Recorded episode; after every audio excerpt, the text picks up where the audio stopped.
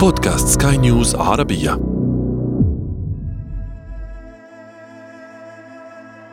دايما كنت بشوف ناس تانية دايما الاقيهم إيه مليانين خرابيش بسبب القطط اللي عندهم.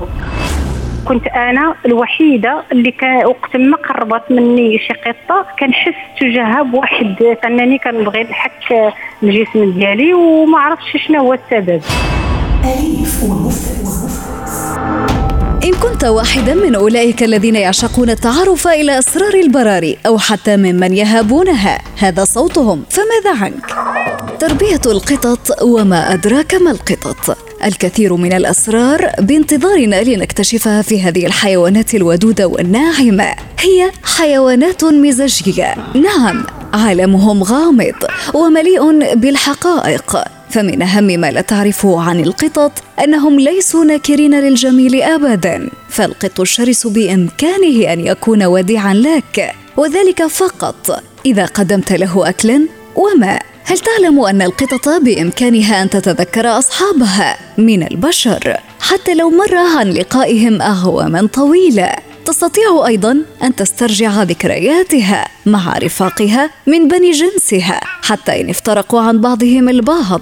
ولا يجب علينا ابدا نسيان أنها تحمل الضغين فإذا قمت بإيذائها يوما لن تنسى لك ذلك. سيحفر ذلك الموقف لديها ولن تجد منها الاستجابة. وإن فعلت فستتعبك إلى أن تتأكد أنك أثبتت حسن النية معها. هكذا هي القطط. مخلوقات حذرة.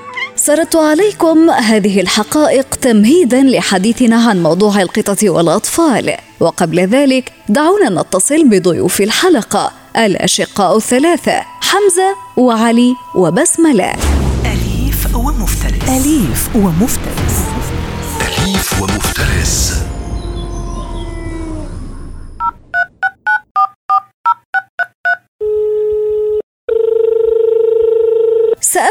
مع الشقيقة الكبرى بسملة التي قطعت اشواطا عديدة للتخلص من فوبيا الحيوانات الأليفة. يعود الفضل طبعا إلى القط فرانكو بعدما قامت الأم بجلبه من صديقتها ليعيش في كنف عائلته الجديدة. للقطط فضل كبير في تهذيب الفوبيا. فبحركاتها الطريفة والمضحكة وبلمسات فروها الدافئ والناعم تستطيع أن تسحر قلوبا كانت تخشى الاقتراب منها. في الأول طبعا كنت بخاف جدا من القطط يعني حتى إن أنا ألمسهم أو من بعيد حتى كنت بترعب جدا أه، خصوصا إن دايما كنت بشوف ناس تانية دايما ألاقيهم إيه مليانين خرابيش بسبب القطط اللي عندهم. فالموضوع ده كان بيرعبني جدا طبعا في الأول. ففكرة إن إحنا نربي قط في البيت دي كانت يعني فكرة بشعة جدا. بس طبعا بعدها لما جبنا قط عندنا في الأول آه كنت يعني ببعد عنه مش آه، مش بقعد خالص آه، معاه. بس مع الوقت بدأ اللي هو إيه يدخل عندي الأوضة شوية. يعني بلاقيه هادي ما بيعملش حاجة. فقلت مش مشكلة ممكن أسيبه عندي. ف- برضه ما كنتش اللي هو إيه بلمسه كنت بخاف جدا. آه بعدها مع الوقت بقيت إيه بدأت واحدة واحدة إن أنا يعني أتقرب منه شوية آه بدأت إن أنا أطبطب عادي عليه وكده. بس يعني دلوقتي بقيت متقبلة القطط شوية. طبعا لحد دلوقتي بخاف من أي قطة تانية من بره بس يعني الفكرة اتغيرت شوية عندي. ضيفتنا الصغيرة أخبرتنا كيف غيرت تربية هذا القط من سلوك أخويها علي وحمزة وكيف أصبح لديهم حس المسؤولية على صغر سنهم. وكذا حال بقية الأطفال عندما يتولون تربية حيوان أليف في المنزل. لن تصدق ذلك. إنه شعور غريب. أن ترى ابنك وهو يركض للعناية بحيوانه الأليف وصديقه الجديد. في البيت. آه بقيت أنا أحط له أكله أحيانا آه، أغير له المية بتاعته. أحيانا برضو بدخل مثلا أحميه أنا وإخواتي آه، لأن بيبقى صعب جدا إن إحنا يعني نتحكم فيه وكده لأن هو بيخاف جدا لما بيستحمى آه، يعني بدأوا يتحملوا شوية مسؤولية لما يلاقوا إن في فعلا كائن تاني برضه معاهم في البيت بيحسوا إن هم لازم يبقوا متحملين مسؤوليته ويهتموا بأكله والكلام ده كله. أنا برضه بقيت أهتم شوية ليه لأنه يعني في الأول وفي الآخر هو محتاج رعاية واهتمام برضه زي أي حد. فعشان كده بقيت إن أنا يعني أتقبله أكتر. طباع القطط ستختلف مع أطفالك على حسب نوع القط وفصيلته. فالسكوتش مثلا يتميز بهدوئه وكسله طوال الوقت. إنه لا يشبه أبدا قط السيامي الذي يحب اللعب دائما أو قط البنغال الذي يحبذ الطيران في الجو. ستراه يقفز بارتفاعات هائلة. لن تصدقها تماما كأنه يطير. والمميز في هذه المخلوقات أنها مليئة بالقصص والرموز. سنكتشف أيضا قط الأطفال الصغار وطباعه معهم. والله هو طول الوقت نايم يعني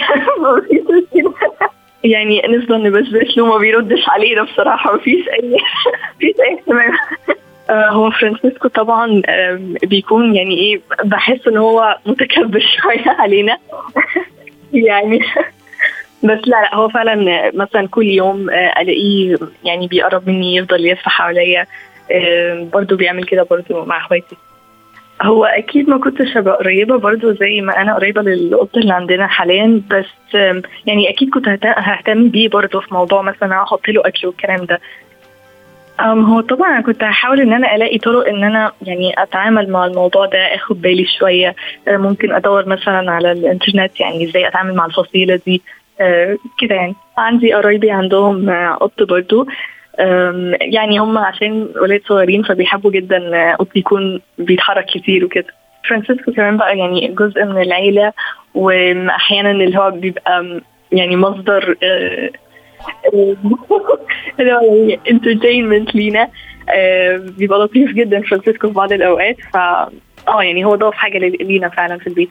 الطفل الصغير حمزة هو من أكثر الأشخاص اهتماما بالقط فرانكو رغم أن معاناته مع سلوك القط الخجول في بداية الأمر لم تكن بالهين أبدا إلا أنه استطاع أن يجعل حيوانه الأليف يحبه كثيرا ويتعود على فكرة الإقامة معهم.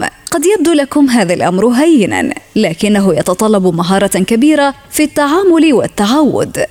أول يوم هو جه كان آه، خايف. هو ما كانش خايف من مامته لأن هو كان بالها كان معاه طول اليوم. هو بس لما بيقعد معاك بس شوية فهو بي يعني بي بي بيعرفك وبيحبك وبيسمع كلامك وعادي وكل حاجة. آه واليوم التاني برضو نفس الحاجة لحد ما هو بيكمل معاك. و... وأنا آه بياكل بياكل بنحط له كتير بس هو بيخلصهم بعد وقت. بعدين بنضطر إن إحنا نحط له تاني بس بعد وقت. وهو لحد دلوقتي يعني هو كويس أو يعني بيحبنا وهو يعني في ساعات يجي عندنا وإحنا بنتاكله وبنلعبه ساعات بالألعاب بالألعاب اللي إحنا عندنا.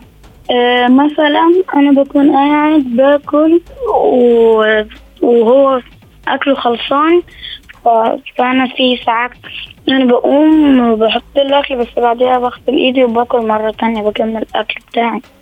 إحنا في الأول بنسيبه يعني يستريح براحته لما هو يعني هو لما يكون تعبان لأن هو دايما تعبان وبيكون نايم وكل حاجة بس بعديها لما هو يعني بيكون هو يعني مش عايز خلاص هو مش عايز إن هو ي... آه هو خلاص قام وكده فإحنا بن... بنشوف ده هو عايز يلعب ولا لأ ده هو عايز يستريح ولا لأ شوية أكتر. فإحنا بنلعبه باللعبة وبنشوف ده هو هيلعب بيها ولا لأ وده هو هيلعب بيها هنلعب معاه.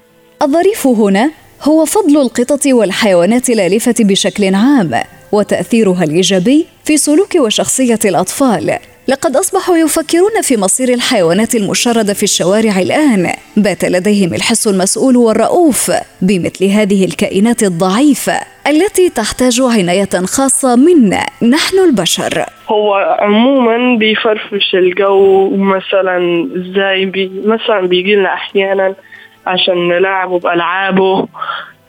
كده يعني. أحيانا بيجي بس عندنا بيبقى بيحس بيحاول يجي جنبنا يعني بحاول يعمل انتراكشن ما بيننا عاوز مثلا نلعب والألعاب بتاعته الكلام ده. هو كده يعني. هي حاجة حلوة بس لازم ليها مسؤولية كبيرة. هي مسؤوليته شو تحط أكله في ميعاده ميته تغير له كده بس. ومن خلال قصتنا اليوم مستمعينا الكرام تطرقنا إلى الكثير من الرسائل التي تحملها تربية الحيوانات الأليفة وغير الضارة في المنزل مع الأطفال الصغار. دروس كثيرة سيتعلمها أبناؤكم. إذا أتحتم لهم الفرصة بأن يحتضنوا تربية حيوان أليف. أنا كنت كنعيش في واحد الأسرة اللي كتكون من العشرة ديال الخوت وكانت الأم ديالي كتربي القطط كانت عزيز عليها تربي القطط. وكنت وكتعتني بهم ولكن كنت أنا الوحيدة اللي كان وقت ما قربت مني شي قطة كنحس تجاهها بواحد انني كنبغي نحك الجسم ديالي وما عرفتش شنو هو السبب.